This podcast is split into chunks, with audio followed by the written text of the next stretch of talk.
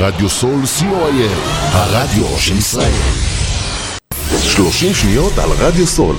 רדיו סול היא תחנת הרדיו האינטרנטית הגדולה בארץ, המשדרת 24 שעות ביממה, מונה 36 שדרנים, ועוברת בשם הוויזואלי.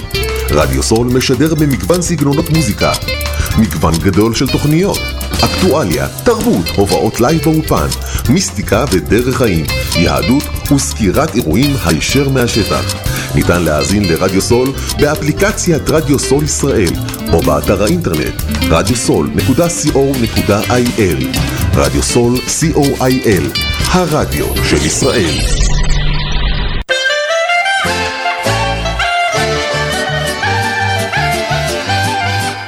לרגל חגיגות יום ירושלים, האזינו לתוכנית מיוחדת, יום חמישי בשעה עשר בבוקר, בהגשת רות חברוני ותלמידי בית הספר עתיד עמנואל מורנו בלוד.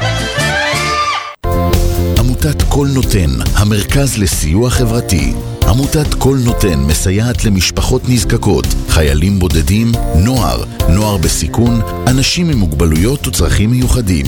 העמותה מקימה תוכניות סיוע והעשרה בתחום התקשורת והמוזיקה ומקרבת בין תרבויות במגזרים השונים. תרומתכם קטנה כגדולה, יכולה לסייע לאלפי אנשים. לתרומות חייגו עוד היום, 03-677-36-36. עמותת קול נותן, המרכז לסיוע חברתי. קול נותן, המרכז לסיוע חברתי.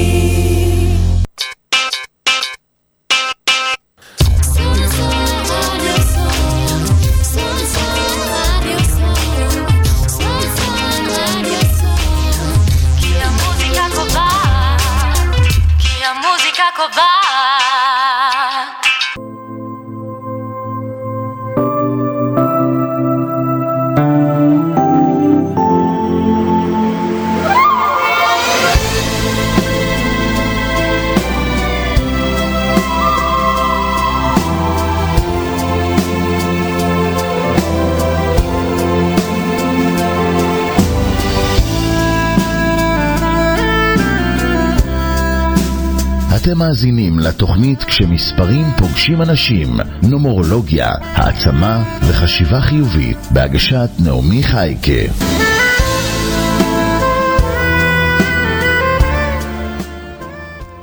אחר הצהריים טובים, מאזינות ומאזינים, אנחנו נבלה כאן היום שעה קלה. התוכנית שלי עוסקת במפגש של נומרולוגיה עם אורחים ואורחות להם סיפור מעניין ומעורר השראה. והיום יש לי אורחת מיוחדת במינה, אותה תפגשו בעוד מספר דקות. אני נעמי חייקה, נומרולוגית, מאמנת, מומחית לגיל הזהב, מוסמכת אדלר. אני מרצה, יש לי קליניקה פרטית, ואני משלבת את שני התכנים האלה בעולם שלי. אם יש לכם שאלה או אה, אתם רוצים להתייעץ איתי, אתם מוזמנים לפנות אליי בטלפון 054 444 0668 אנחנו כאן ברדיו האינטרנטי הוותיק במדינה.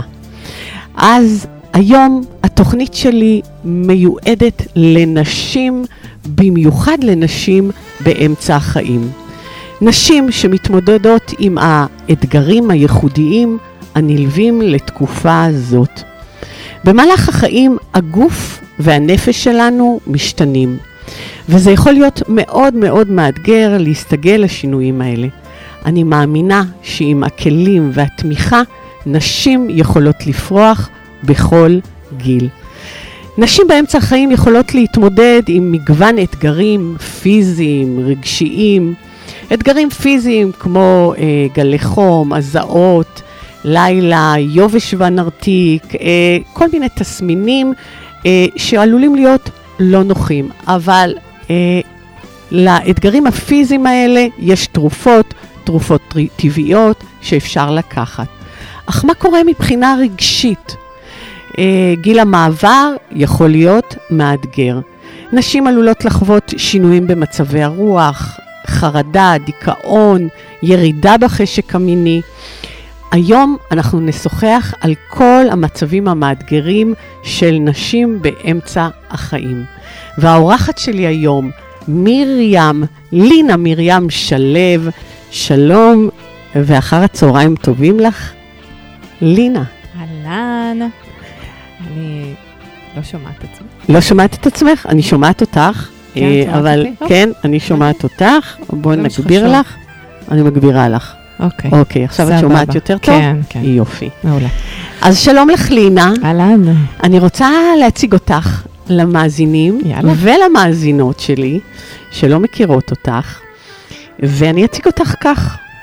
אז אה, לינה היא עובדת סוציאלית, נכון? אה, מטפלת בבריאות והגשמה של נשים שנמצאות באמצע החיים, רפלקסולוגית וזמרת יוצרת שיצאה לאחרונה בתוכנית יחיד, שאנחנו נדבר עליה היום, ואימא לשני ילדים, בנים, ובנוסף, לינה היא קולגה שלי, היא משדרת כאן ברדיו סול בימי שני בתוכנית אה, שלה, שהיא תדבר עליה גם בהמשך. ולינה, מגוון עיסוקים רחב, נכון. נכון? ספרי לי על זה.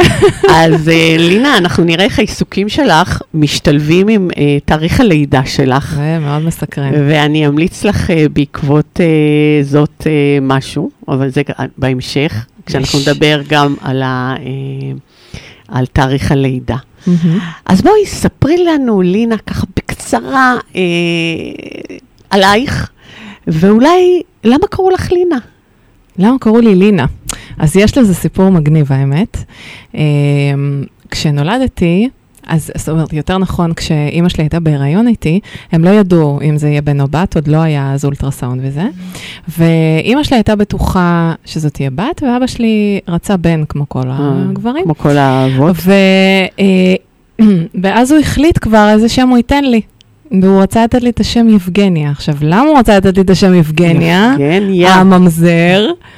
כי היא הייתה מישהי שהוא היה דלוק עליה כשהוא היה צעיר, וקראו לה יבגניה. אוקיי. עכשיו, אז הוא רצה יבגניה בבית. הוא רצה יבגני, הוא רצה את השם הזה לבן, ואז נולדתי אני בת. ואימא שלי, לעומת זאת, גם לה יש סיפור. היא בגיל, כשאני, כשהיא הייתה בת שמונה, היא הלכה לראות פעם ראשונה הופעת בלט, והייתה שם רקדנית צרפתייה שקראו לה לינה, שהיא נדלקה עליה ברמות, והיא החליטה כשתהיה לה בת, יקראו לה לינה והיא תהיה רקדנית בלט. ולכן היה ויכוח רציני. אה, בין ז'ניה ללינה, איזה מזל שלא קראו לי ז'ניה. פה בארץ זה קשה עם השם הזה. בכל מקרה, אז הם לקחו אה, כזה שני גפורים, מכירה את זה ששוברים אחד? כן. ואז מחזיקים ביד, ושני הראשים הם על אותו גובה, ואז שולפים אחד ומחליטים, נגיד הקצר זה לינה, הארוך זה ז'ניה, סתם דוגמה, ואבא שלי שלף את השם לינה, אז זכית, וכך נהיה. אז זכית בלינה, נכון. ואני רוצה אה, לומר לך, אה, לינה, שהשם שלך, יש לו אנרגיה מדהימה, והלינה הרקדנית גם יכולה להתחבר אה, לאותו שם, וגם את, אני בטוחה.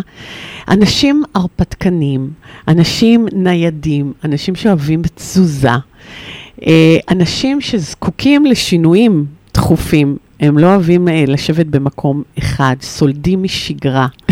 אנשים שאוהבים חופש, אוהבים חופש גם מחשבתי וגם אה, חופש אה, לא להיות כבולים. הם אוהבים את החופש שלהם, פחות אוהבים מסגרות, אוהבים יותר, אה, אה, כן. אה, ואני אוסיף ואומר שהם מסוגלים אה, להסתגל לשינויים שקורים ככה בעולם המודרני. זה פחות או יותר תיארת אותי, תיארתי אותך? ממש, אחד לאחד. אז זה האנרגיה של השם שלך, וואו. ו- וטוב שהוא בחר לך את השם שמתלבש לך אה, לאופי. טוב, אז אימא, אם, אה, אם אה, חשבת לרגע שיש לך איזושהי בעיה עם זה שאני כל הזמן זזה מדבר לדבר, ממקום למקום, מעבודה לעבודה, נכון. מעיסוק לעיסוק, אז את בחרת, את, את. בת שלך. הכל האימא, תמיד אנחנו מאשימות את תמיד מי? אימא אשמה. אימא אשמה. אז בדברים האלה תמיד מאשימים, זה בדיוק מה שאני תמיד אה, אומרת לאימא שלי, את תמיד אשמה, אין מה לעשות. נכון, אין, ככה זה. אז אה, על תאריך הלידה שלך אנחנו נדבר אחר כך, אבל אני רוצה ממש אה, לצלול איתך אה, לעיסוק שלך. אוקיי. אה, איך התחלת לעסוק בעיסוק שעוסק דווקא אה, בנשים בנשים. באמצע החיים? אז אמ, זה התחיל מזה שהתחלתי לעסוק בנשים. וכשנכנסתי להיריון עם הבן הבכור שלי, אז אחרי ה... את יודעת, החצי שנה הראשונה שהייתי עסוקה רק בלהקיא, um, הגיע איזה רגע שבו הבנתי שזאת לא מחלה, שזה הריון, וזה הולך להסתיים בלידה. ואז נהיה לי כאילו חרדה ברמה שאני לא יכולה להסביר לך, לא ישנתי בלילות, כל הזמן רק חשבתי על זה, ואמרתי, אין מצב שאני עובר את הדבר הזה, כאילו, לא, לא יודעת איך עושים את זה. מה, החשש לגדל את הילד או לא, ללדת? ללדת. ללדת. הלידה עצמה. נורא הפחידה אותי. והתחלתי לחקור. פשוט uh, אמרתי, אוקיי, לא יכול להיות שכל כך הרבה נשים יולדות והן בסדר, ואני רוצה סיפורי לידה טובים, והתחלתי לחפש.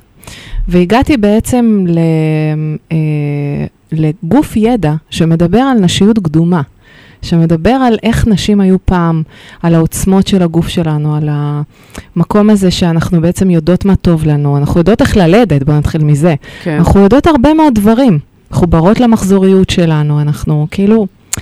ואז, לפני, בוא נגיד 16 שנה, כשנחשפתי לידע הזה, זה היה בשבילי, אה, וואו, זה היה פיצוץ גרעיני בחיים שלי, כי אמרתי, רגע, איך יכול להיות שהגעתי לגיל 29, וכל זה נחסך ממני, איך זה יכול להיות? והתחלתי לחקור את זה עוד ועוד ועוד. תמיד אני אומרת שהבן הבכור שלי, מהרגע שהוא נוצר בבטן ועד היום, הוא המורה הכי גדול שלי. ובמקום הזה, אני חושבת שבזכותו נפתח לי בעצם עולם שלם של נשיות, שהיא נשיות אחרת, שהיא מחוברת, שהיא היא לא uh, ציפורניים, שיער ו, וכלפי חוץ, אלא היא פנימה. ומאז אני חוקרת את, ה, את העניין הזה. אז ו- לינה, מה, מה, ה- מה גילית שזה היה המפץ הגדול הזה? מה, כאילו, מה היה שם שהפתיע אותך מאוד?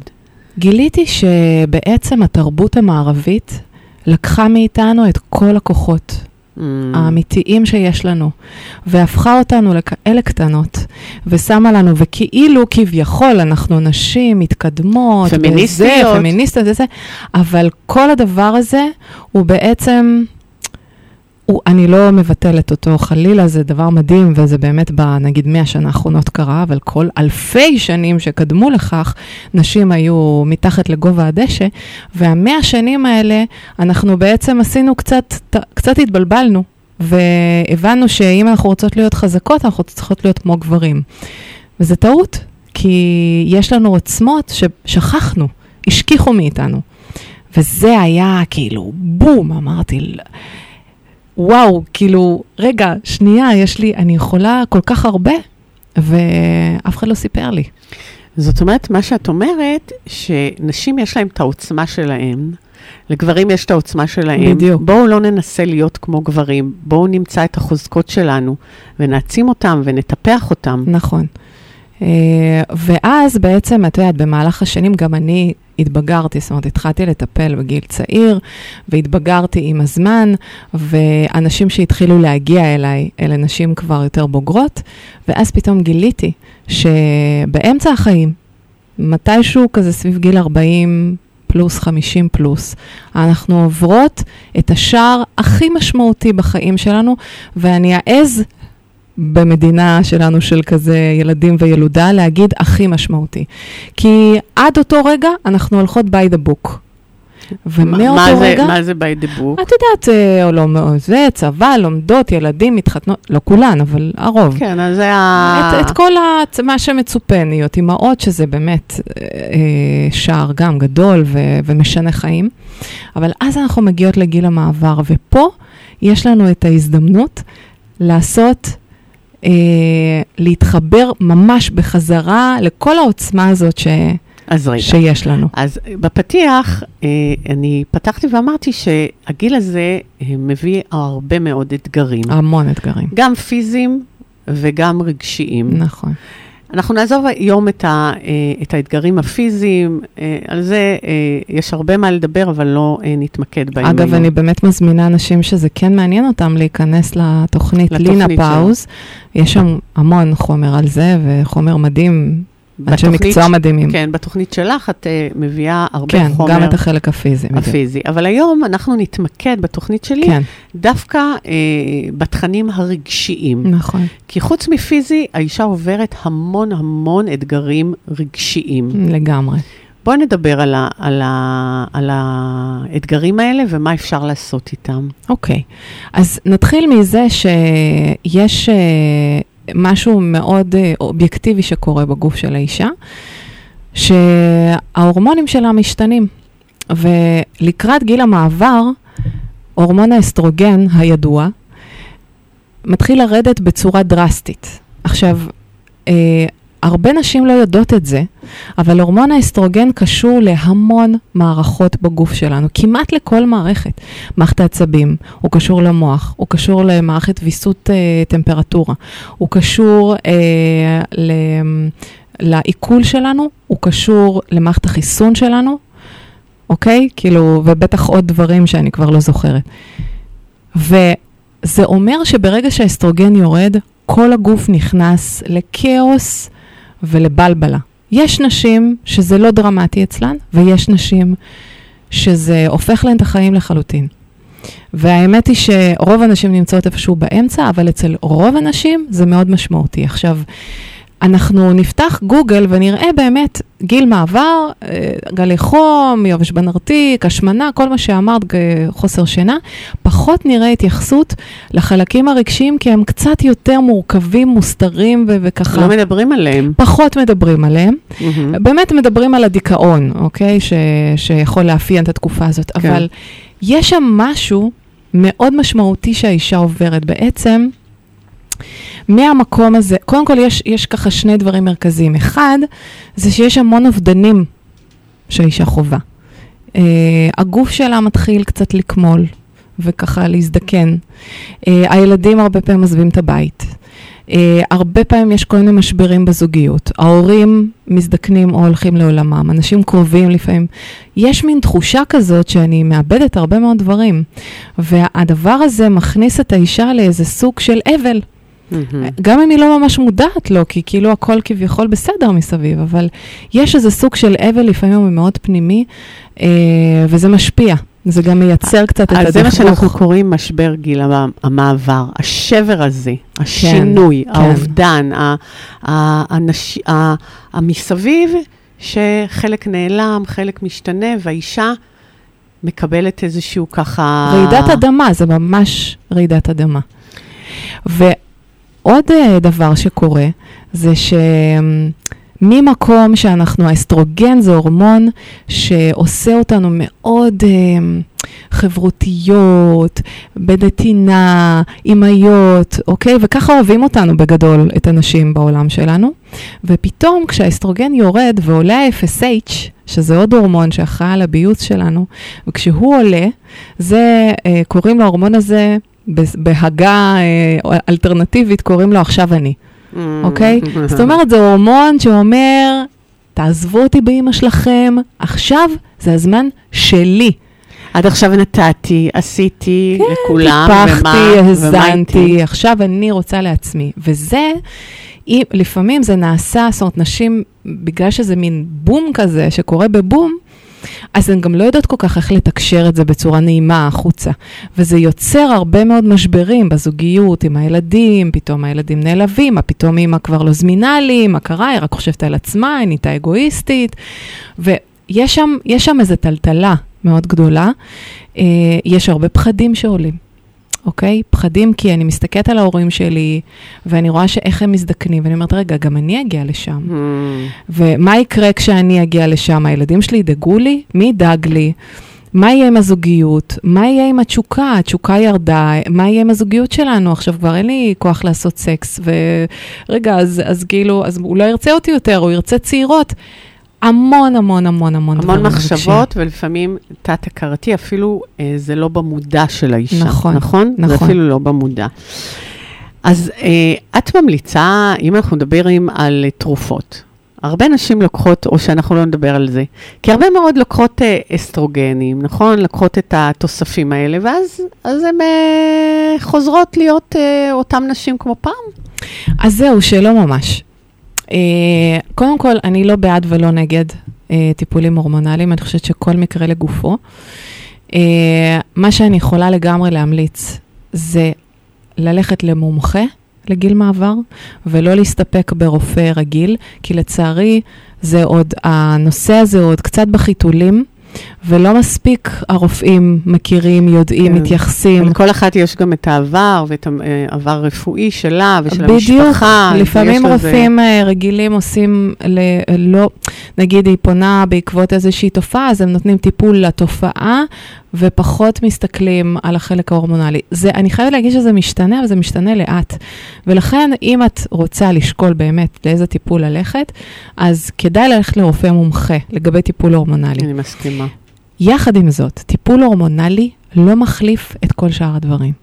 את התהליך האישי שאת יכולה לעשות שם, את התמיכה בגוף שלך, את הטיפולים האלטרנטיביים, זה לא חליפ, חלופה. כי את נותנת לגוף שלך בצורה מלאכותית הורמונים, אבל את לא יכולה לקחת הורמונים forever. בגיל 60 מתישהו, נגיד 10 שנים אחרי, את חייבת להפסיק, הרופא ימליץ לך להפסיק. נכון, ואז מה יקרה, נכון. אוקיי? אז צריך לשקול את זה, אה, כל מקרה. כל מקרה לגופו. לגופו. עכשיו, אני רוצה רגע להתייחס, ל... את שאלת אותי על, על המרכיב הרגשי, ודיברנו כזה על החלק, החלקים המאתגרים מאוד של, הח... של הרגש.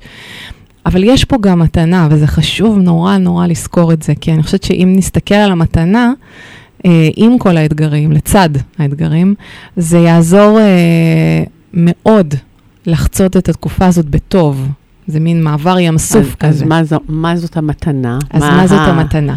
כן. אז הרבה מאוד נשים, אני בטוחה שגם את, אגב, אולי משתייכת אליהן, וגם את מכירה בוודאות נשים סביבך, שדווקא בגיל הזה, 40-50, משהו מתעורר בפנים. יש איזו כמיהה כזאת להנכיח את עצמי בעולם. אה, לפעמים זה איזה פרץ של יצירה, נשים פתאום מתחילות לכתוב, או מתחילות, אה, אה, פתאום יש להם איזה מופע לצאת איתו, פתאום אה, מתחילות לצייר, פתאום אה, יש להם איזה פרויקט בראש שהם רוצות נולד לעשות. משהו. נולד משהו. זה כמו שנשים בתחילה, הן יולדות והן מטפחות את המשפחה, נכון, ואז כשהילדים נכון. גדלים כבר, והם רואים אותם שהם בטוב, אז הן מתפנות ללדת משהו אחר. ללדת את עצמן. את עצמן, את עצמן הזמן, לעולם. בדיוק. ואז, מה שקורה לפעמים זה שכשהאישה מכל מיני סיבות לא נותנת לדבר הזה, לנביאה הזאת ביטוי, אז uh, זה מגביר את הדכדוך ואת החוסר תסכול. מוטיבציה ומין תחושה כזאת שטוב, לאן כל הדבר הזה הולך. ואני מזמינה נשים שחוות את זה, לעשות איזה האטה כזאת, עצירה, רגע, שנייה לעצור ולאוקיי, זה לא רק הורמונים, זה, זה גם, אבל זה לא רק, יש פה משהו מעבר. תני לזה רגע לחלחל, מה רוצה להיוולד מתוכי. אפשר להסתובב עם השאלה הזאת. אוקיי? כן, אני, אני אה, ממשיכה אותך אה, ומזמינה נשים לשאול את החלומות שלהם, לשאול מה הם רצו כשהם היו צעירות ולא עשו. נכון. בגלל הגיל, בגלל שהם נישאו, בגלל הילדים, בגלל מצב כלכלי. מה רציתם? איפה רציתם להיות ולא הייתם? אז אני נתקלת בזה הרבה גם בגיל השלישי. זאת אומרת, אחרי שעוברים את גיל הביניים מעבר, וכבר כן. עוברים לגיל. הבא, שגם הן שואלות את עצמן, אבל מה עכשיו? מה עכשיו? אז, אז אני מתחברת מאוד מאוד מאוד למה שאת אומרת, אני רוצה ולעשות את רגע... העצירה ולשאול את השאלה. ולשאול, לשאול. עכשיו, אני, אני באמת חושבת שלפעמים זה קשה לבד. יש נשים שהן אלופות בזה, הן עושות את זה לבד. נכון. יש נשים שקשה להן לבד.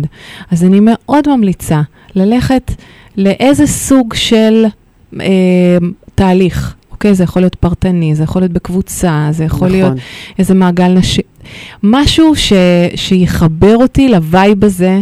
שיחבר אותה לעצמה. מה אני רוצה ללדת עכשיו. כן. וגם, אני רוצה להוסיף, את אמרת ככה, מה רציתי כשהייתי צעירה, אז לפעמים זה באמת איזה חלום ילדות כזה, או משהו שאני מרשה לעצמי לפתוח, ולפעמים מה שקורה לאישה זה שסט הערכים שלה, כולה, כולם, משתנה. כי היא, היא לא מזהה את עצמה, מי זאת? אני לא מכירה את האישה הזאת. היה לי חשוב א', ב', ג', פתאום כל זה לא חשוב לי. אז מה חשוב לי עכשיו? ולפעמים מתוך השאלה הזאת, רגע, אז מה הערכים שלי כרגע, אני יכולה פתאום לגלות משהו שמעולם לא חשבתי עליו. את יודעת, לפני כמה ימים שמתי שאלה בפייסבוק ושאלתי אה, אם יש פה אנשים שפרצו עם היצירה שלהן אחרי גיל 40. מלא נשים ענו מלא. לי. מלא. ואת יופי. לא מבינה איזה סיפורים מרגשים. את לא מבינה. זה פשוט, זה, אני ישבתי מול התשובות ובכיתי. כי, כי באמת, וחלק מהאנשים כתבו, מעולם לא חשבתי שאני יודעת לצייר. מעולם לא חשבתי שאני יודעת, לא יודעת מה לעשות, ופתאום זה נפתח לי. אז אני רוצה מכאן אה, לקחת אותך לשאלה נוספת, כי הגברים, הנשים משתנות, נכון? נכון. עוברות משהו, עוברות נכון. איזה תהליך. ונשים שנמצאות בזוגיות, ויש איזשהו חוזה בלתי כתוב, עם זה שלצידם, עם בן נכון. הזוג, עם הבעל, נכון. עם בן הזוג. ואז החוזה הבלתי כתוב משתנה, נכון, וקורה משהו. לגמרי. אז מה את אה, יכולה להמליץ? כי יש מאזינים, המסכנים. כן, המסכנים, אולי מסכנים, אבל לפעמים אולי לא מסכנים, כי הם חווים אישה אחרת, אישה שמגשימה את עצמה, אישה שמגשימה את החלומות שלה, אז גם היחס שלה אחר. אז, אז השאלה לאן לוקחים את זה. אבל בואי נדבר באמת על, ה, על הגברים ועל התחושות שלהם, בכלל שהאישה משתנה. אז uh, גברים יקרים, קודם כל, אני מלאת חמלה אליכם, כי זה לא פשוט. גם אתם עוברים שינוי, לפעמים השינוי הזה לא מדובר. זאת אומרת, יש, uh, יש גיל מעבר של גברים, הוא פשוט לרוב קצת יותר מרוכך, ובא בא לידי ביטוי בצורה אחרת. אבל האישה שלכם עוברת את השינוי שאתם עוברים, כאילו נגיד לאורך כמה שנים, ובמתינות, בבום, ב- ב- בערך בשנתיים, אוקיי? באיזה מין בובום כזה. עכשיו, אה, הדבר הכי חשוב לזכור, שזה לא נגדכם. כי לפעמים זה נראה שזה כן. יכול להיות שזה יהיה מין רגע כזה, שהיא תגיד, מה אני עושה איתך? ואל תפחדו מזה, כי זה חלק מהשלב. אם תפחדו מזה ותנסו לסגור אותה, לאחוס בה יתר על המידה, או להפך, להגיד לה, אז את לא רוצה, אז בואי נתגרש, או כל מיני כאלה מהפחד שלכם לאבד אותה, זה לא יעזור.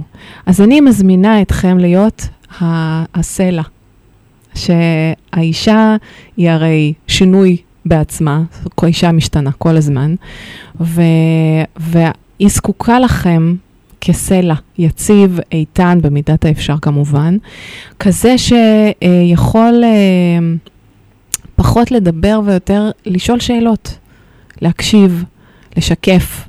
נגיד, לצורך העניין, אתה רואה שמשהו עובר עליה, אז אתה יכול להגיד לה, תקשיבי, אהובה, אני, אני רואה שמשהו עובר עלייך, את רוצה לדבר על זה?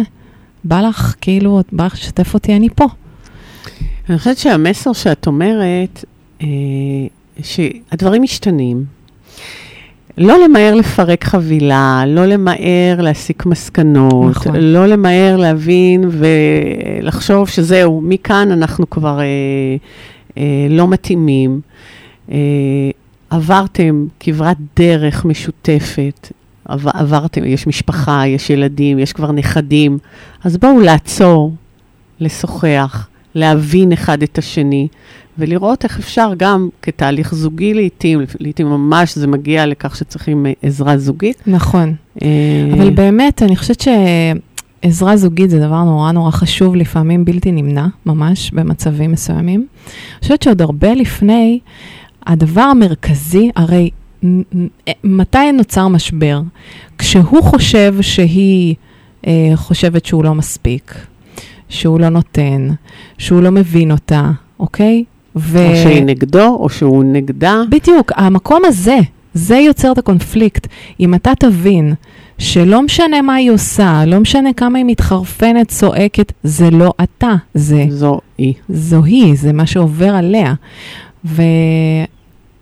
וזאת נקודה שיכולה להוריד הרבה מאוד סטרס. כן. אז אם אה, אנחנו עוסקים ב, ב, בגברים ובנשים, אז יש. שאלה שהיא בלתי נמנעת, וגם הזכרת אותה אה, לפני כן. יש את הבריאות המינית של האישה, ואמרת שמשהו קורה לה, כן. משהו קורה שם. את רוצה להרחיב על זה? אמ, כן, אני אשמח להרחיב על זה. אני חושבת שמיניות זה מרכיב כל כך חשוב בחיים שלנו בכלל, וכשאישה מגיעה לגיל מעבר, יש מין, אה, זה מאוד שונה, אגב, בין גיל 40 לגיל 50, כי הרבה פעמים התהליך הוא שבגילי 40, דווקא אחרי שקולה, והאישה כזה פורחת וצומחת, ובא לה עכשיו מאהב, ובא לה, נמאס לה כבר אה, סקס אותו דבר אה, 20 שנה, והיא רוצה להתפרע, והיא רוצה להתנסות, וצריך לראות איך מתקשרים את הדבר הזה בתוך זוגיות, זה לא דבר פשוט.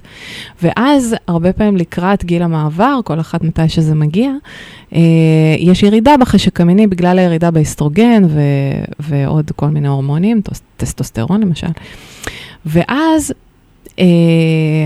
הנרתיק שלי מתייבשת, אני מרגישה שמשהו בי מת, כאילו, כזה, ו- והגבר שלי רוצה מיניות. אה, אה, איך, אה, מה עושים? אז אני ממליצה בחום לשנות את התפיסה לגבי המיניות שלנו. כשאנחנו מתבגרים, המיניות שלנו משתנה יחד איתנו. מי צריך לשנות, הגבר, האישה או שניהם ביחד? שניהם ביחד תמיד לחלוטין. ביחד, אוקיי. זאת אומרת, אם בגילי ה-20 ציפינו להמון ריגוש במיניות, אה, כאילו, בוא, בוא נשחרר קצת את הריגוש, בדיוק ממש לפני יומיים, לא, אתמול, הייתה לי תוכנית אה, פה עם אפרת וולפסון על מיניות, אני ממש ממליצה להקשיב לזה. אנחנו מרחיבות על העניין הזה שם, זה פשוט לקחת את המקום של הריגוש ולחבר את זה לרגש. כי המיניות שלנו נפתחת בגיל אה, בוגר יותר מהמקום, מהחיבור הרגשי, מהאינטימיות, מהביטחון, מהחקירה המשותפת, מתקשורת. אוקיי? זה מה שאנחנו זקוקות לו. מתוך המקום הזה אנחנו יכולות להיפתח. תעזבו את הלחץ על החדירה, כן, או, או סליחה, אם אני בסדר, עומד לו, לא עומד לו, יבש לי, לא יבש לי. זה, זה לא העניין, אוקיי? זה, זה כאילו, אם, אם אנחנו נתקעים על העניין הזה, אנחנו עושים לעצמנו נזק. אני חושבת שכן צריך לטפל בכל הדברים הפיזיים האלה שצריך ואפשר ללא לטפל. ספק, ברור, כדאי לטפל, כן, כן. כדאי לטפל, אם וכשיוצא אה, ונתקלים בבעיות פיזיות. נכון. אבל אני יכולה להסכים איתך שצריך לדבר רגש ולעשות אה, את ה... באמת, את השיח הרגשי שמעצים אחר כך את הפיזיות. עכשיו, לגברים, אה, נגיד, שמקשיבים לנו, אנחנו אומרות את המילה שיח רגשי, אני מניחה שלחלקם זה עושה... כן, רק שלא תדבר. כן, בדיוק, מה? במיטה. עוד. אז, אה, אז זה לא כזה, זה לא חייב להיות כאילו עכשיו לדבר על מה אני... אה, זה הרבה פעמים לדבר על התחושות. זאת אומרת, מה נעים לי, מה פחות, לחקור מחדש. הרבה פעמים אחרי תקופת זמן אנחנו נכנסים לדפוס. אחרי 20 שנה שאנחנו עושים סקס ביחד, יש לנו כבר את הדברים שאנחנו אוהבים, ו- ולפעמים נוצר איזה דפוס. בואו נפרק את הדפוס, בואו נעשה משהו אחר, בואו נשחק עם זה פתאום. זה יכול מאוד להכניס איזו התרגשות חדשה טובה אה, לתוך המיניות שלנו. נהדר, משהו אה, אחר, פורח, משהו חדש. להסתכל על זה ממבט אחר. כן, בדיוק. נכון? כן. ה- ה- ההרגל הישן אה, שהיה, לבדוק מה, מה אפשר לרענן, מה אפשר נכון. לחדש. זה עוד לפני שרצים למערכות יחסים פתוחות, אה, ולחילופי זוגות, שזה- ולכל מיני שזה עניינים מביא שהם- אחר כך שלא רק, מתאימים כן, לכולם. לבעיות ולאתגרים. לא, תשמעי, יש אנשים שזה כן. אולי מתאים להם, אבל זה, זה לא פתרון. כן. ל- היום מדברים על זה כל כך הרבה. נכון. אה, מה שאנחנו נעשה עכשיו, זה נצא לשיר. השיר הראשון אה, שלנו היום זה שיר שלך, איזה כיף. לינה. אה, נשמע אותו ואחר כך נדבר עליו? יאללה. יאללה.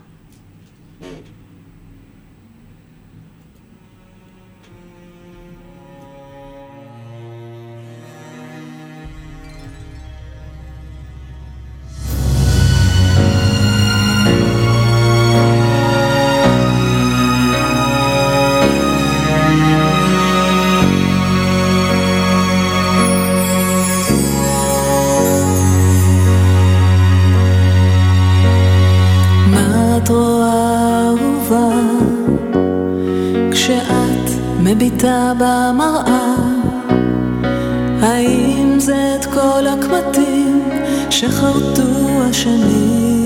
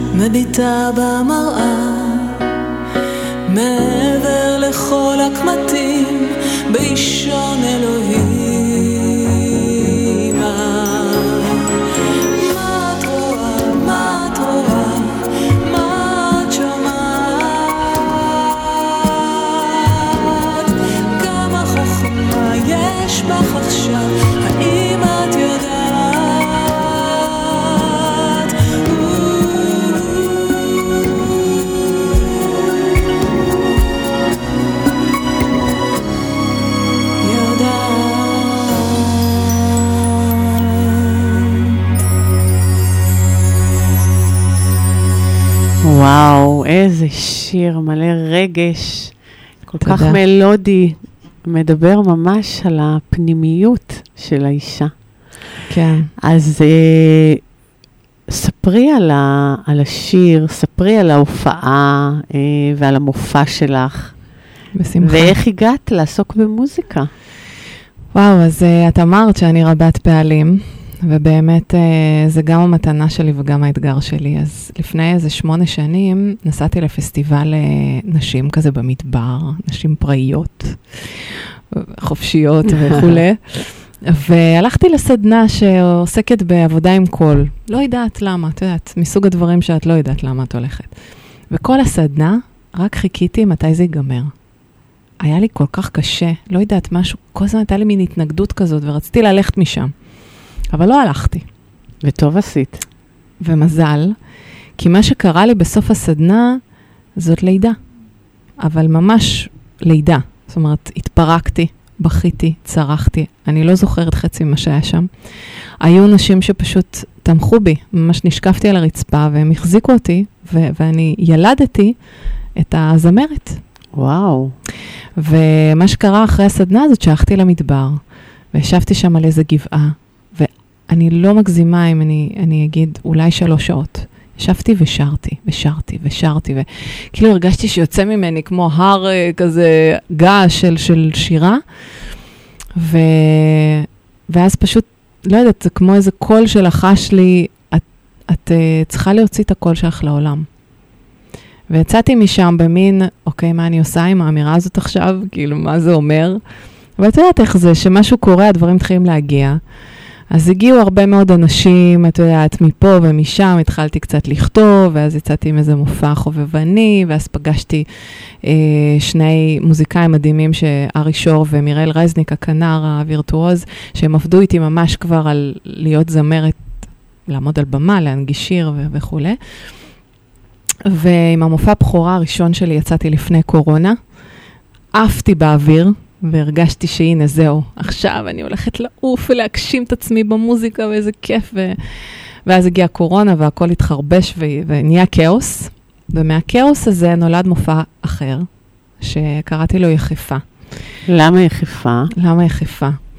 Uh, כי זה מופע שמדבר על, uh, על הדרך שלי בעולם הזה, שהיא לא דרך סטנדרטית. כן. את. בטח רואה את זה במספרים. כן, אני תכף אדבר על זה. בדיוק. Uh, שזה כל, כל דבר זה בערך uh, דרך איזה מכשול. הרגש שלי והחושים שלי עובדים כפול שלוש מאדם uh, ממוצע, ולכן הכל יותר חי ויותר עם תשוקה וגם יותר מאתגר, ו, ואני ממש מדברת את הסיפור חיים שלי. את יודעת, זה, זה מופע שבשביל שהוא ייווצר הייתי צריכה לשחרר את, את המופע הקודם, לפרק אותו לחתיכות. עבדתי עם במאי מדהים, שקוראים לו קובי שטמברג, שהוא, באמת, אני בהודיה ענקית שפגשתי את האיש הזה, והוא ככה, בנונשלנט שלו, ישב איתי בהתחלה ואמר לי, תקשיבי, את עומדת על במה ואת צורחת, אה, אה, אני רוצה לשיר. אוקיי, את, את, את על במה, תש, ת, כאילו, דברי, מה, מה את רוצה להגיד? ומפה הוא שלח אותי למין משימה כזאת, תכתבי את החיים שלך, תכתבי דברים, תכתבי קטעים, תכתבי קוריוזים, תכתבי... וכך כתבת את השירים? כתבתי, לא, השירים כבר היו, אבל uh, כתבתי טקסטים. Mm. התחלתי לכתוב את, את כל מיני, ו, וכשהבאתי לו את כל החומר, אמרתי, אני לא מבינה איך זה יהיה מופע. אני, אני לא, לא יודעת מה הולך פה, כאילו. אומר לי, שחררי, בואי, בואי נתחיל. ולאט, לאט, לאט, לאט, לאט, לאט, זה כזה עוד חלק ועוד חלק, ואז הפאזל הושלם. פתאום, איזה יום אחד, אני מתקשרת אליו ואומרת לו, קובי, אני יודעת המופע, אני יודעת על מה המופע. הוא אומר לי, על מה המופע? אני יודעת על מה המופע, לא ידעתי להסביר את זה עדיין, אבל כאילו, ברור לי עכשיו מה המופע הזה ומה הוא בא להגיד. וכשחשבתי על שם, אז אחד מהקטעים שם הוא, הוא, הוא קטע שנקרא יחפה, ואמרתי, אוקיי, זה המופע. אז בואי, לינה, אני רוצה לחבר את זה אה, באמת לתאריך הלידה שלך. מדהים. וזה כל כך מדהים לשמוע את הסיפור, ותראי אה, מה אני מצאתי. יאללה. מה אני מצאתי. סקרנית? אז, סקרנית, כן. ראשית, יש לך יכולת הבנת אנשים ומצבים. זה משהו שנולדת איתו. זה תורם לכריזמה שלך, אנחנו רואים אותה, הכריזמה המתפרצת שלך, והאינטליגנציה הרגשית ש, שקיימת אצלך באופן uh, מאוד ניכר. את יכולה לתת עצות לאנשים, יש לך את, ה, את היכולת הזאת, וככל שתעשי למען הכלל, ואפילו בהתנדבות, וכל מה שאת תתני לאחרים, יכול להרים אותך לגבהים, Mm. חבל על הזמן. תראי, יש לך הרבה שמונה בתאריך הלידה. שמונה זה יכולת לעשות הרבה מאוד דברים. מתנת אל, אבל מה הבעיה עם הרבה שמונה? שאנשים מתפזרים. כן. עושים גם וגם וגם את זה, אני רוצה לגעת בזה, ואני רוצה גם לעשות את זה, ולמה שאני לא אעשה את זה? אבל כשאנחנו עושים הרבה דברים, לעתים אנחנו גם מתפזרות, נכון. ופחות מתמקדות עד הסוף.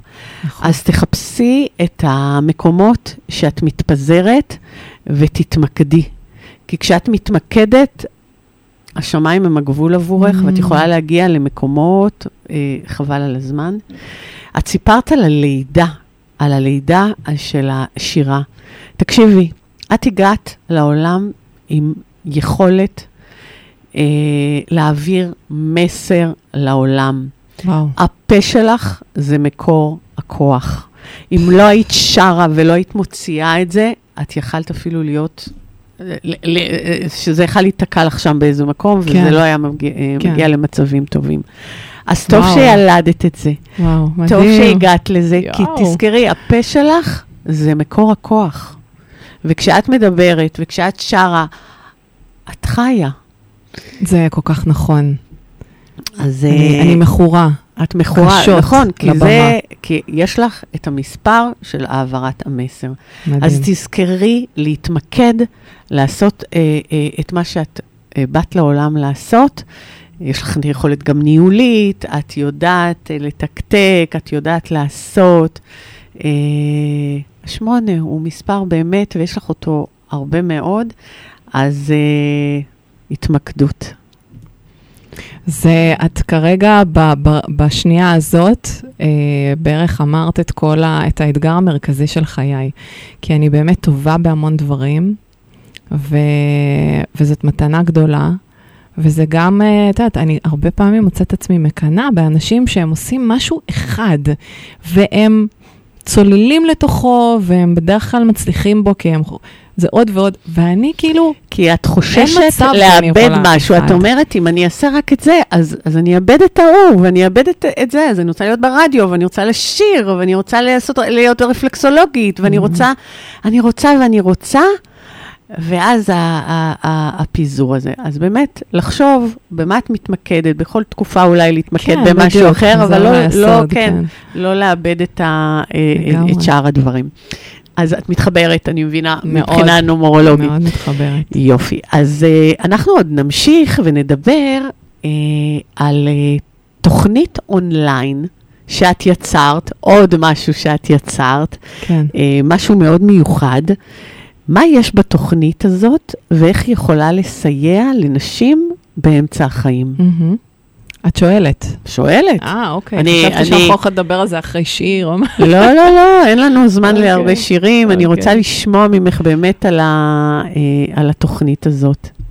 אז uh, כמו שאמרתי uh, במהלך התוכנית של, שלך, uh, בעצם אמרתי שהרבה פעמים בגילאים האלה יש איזו נביאה כזאת של, של uh, איזה רצון ליצור משהו וגם להנכיח את זה בעולם, להביא את זה החוצה. כל אחת בדרך שלה.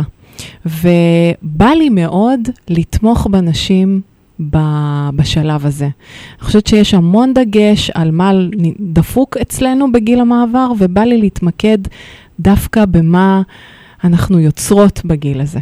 ולשם כך יצרתי תוכנית שהיא מביאה, באמת יש לי כל כך הרבה ידע כבר, גם כמטפלת וגם כמישהי שבעצמה עושה את הדרך הזאת של זמרת יוצרת שמופיעה, אה, וללוות נשים ביציאה שלהם לאור. התוכנית נקראת יוצאת לאור עכשיו, כי אין זמן.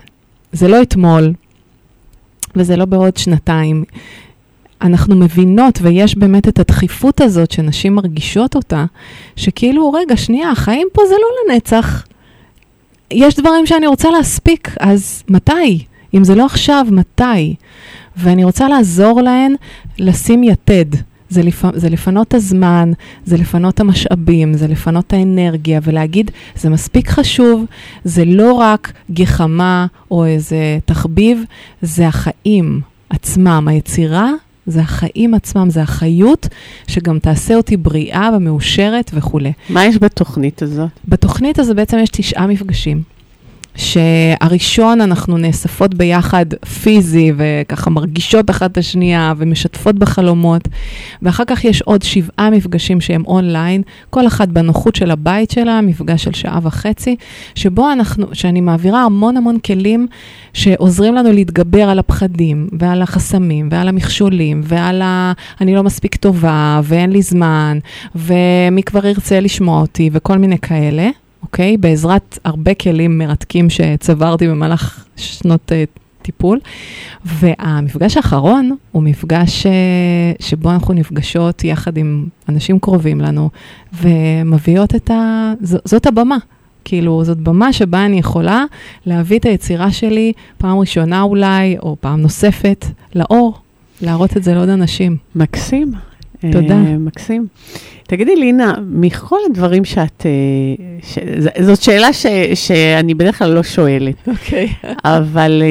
Uh, כי זה לשאול איזה ילד את אוהבת מכל הילדים, ויש אה, הרבה לא, ילדים. אין, אין סיכוי ש... אה, אין, אין, אין סיכוי, אבל מה הכי אה, את מרגישה שזה, שזה ככה קרוב לך? אולי בתקופה הזאת, אני חושבת שאולי בכל תקופה. האם השירה והיצירה זה כאילו משהו שאת אה, מאוד מאוד מחוברת אליו כרגע? מאוד מחוברת אליו.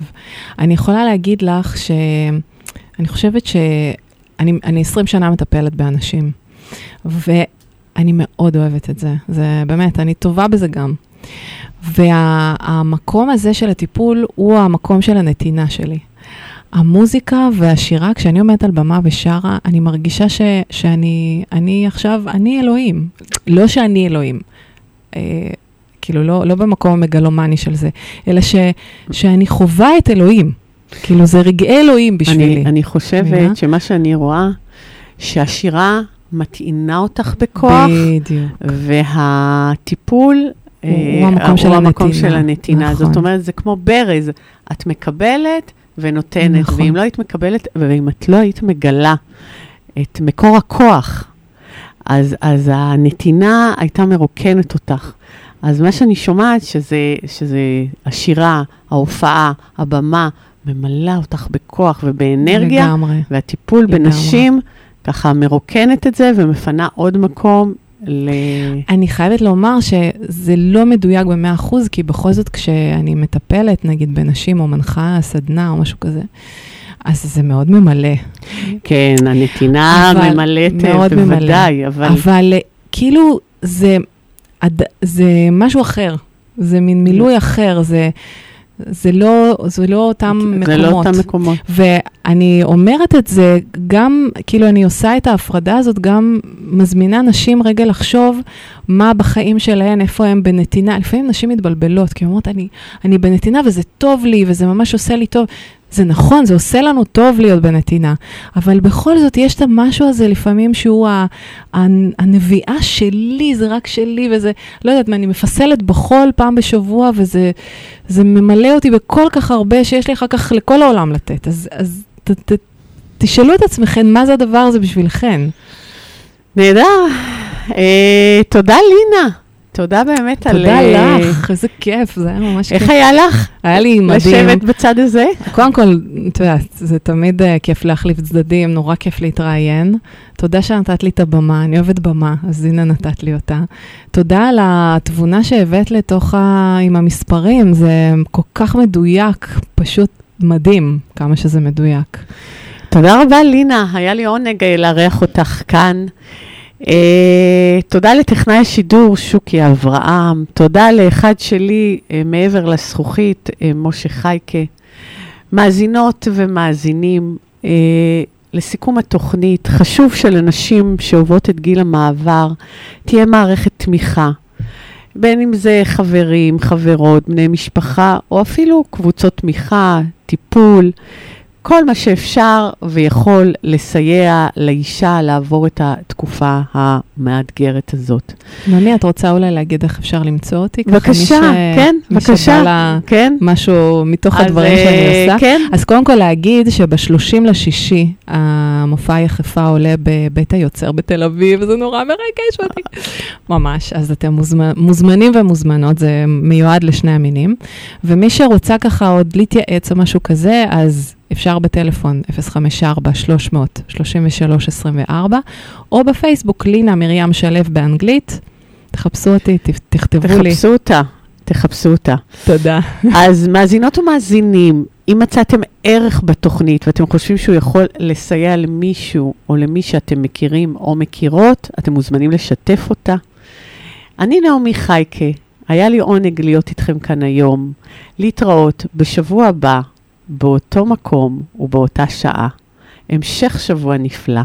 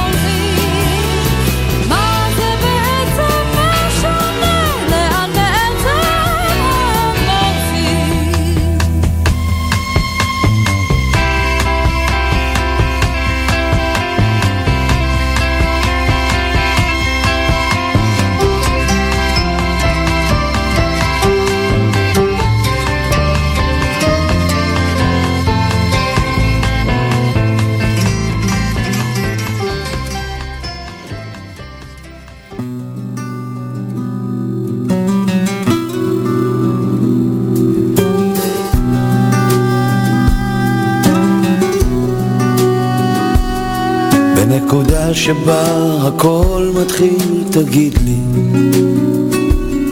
האם לבך בוכה מאושר או כאב? האם אתה זוכר רגעים אינטימיים בהם אתה פותח את הלב?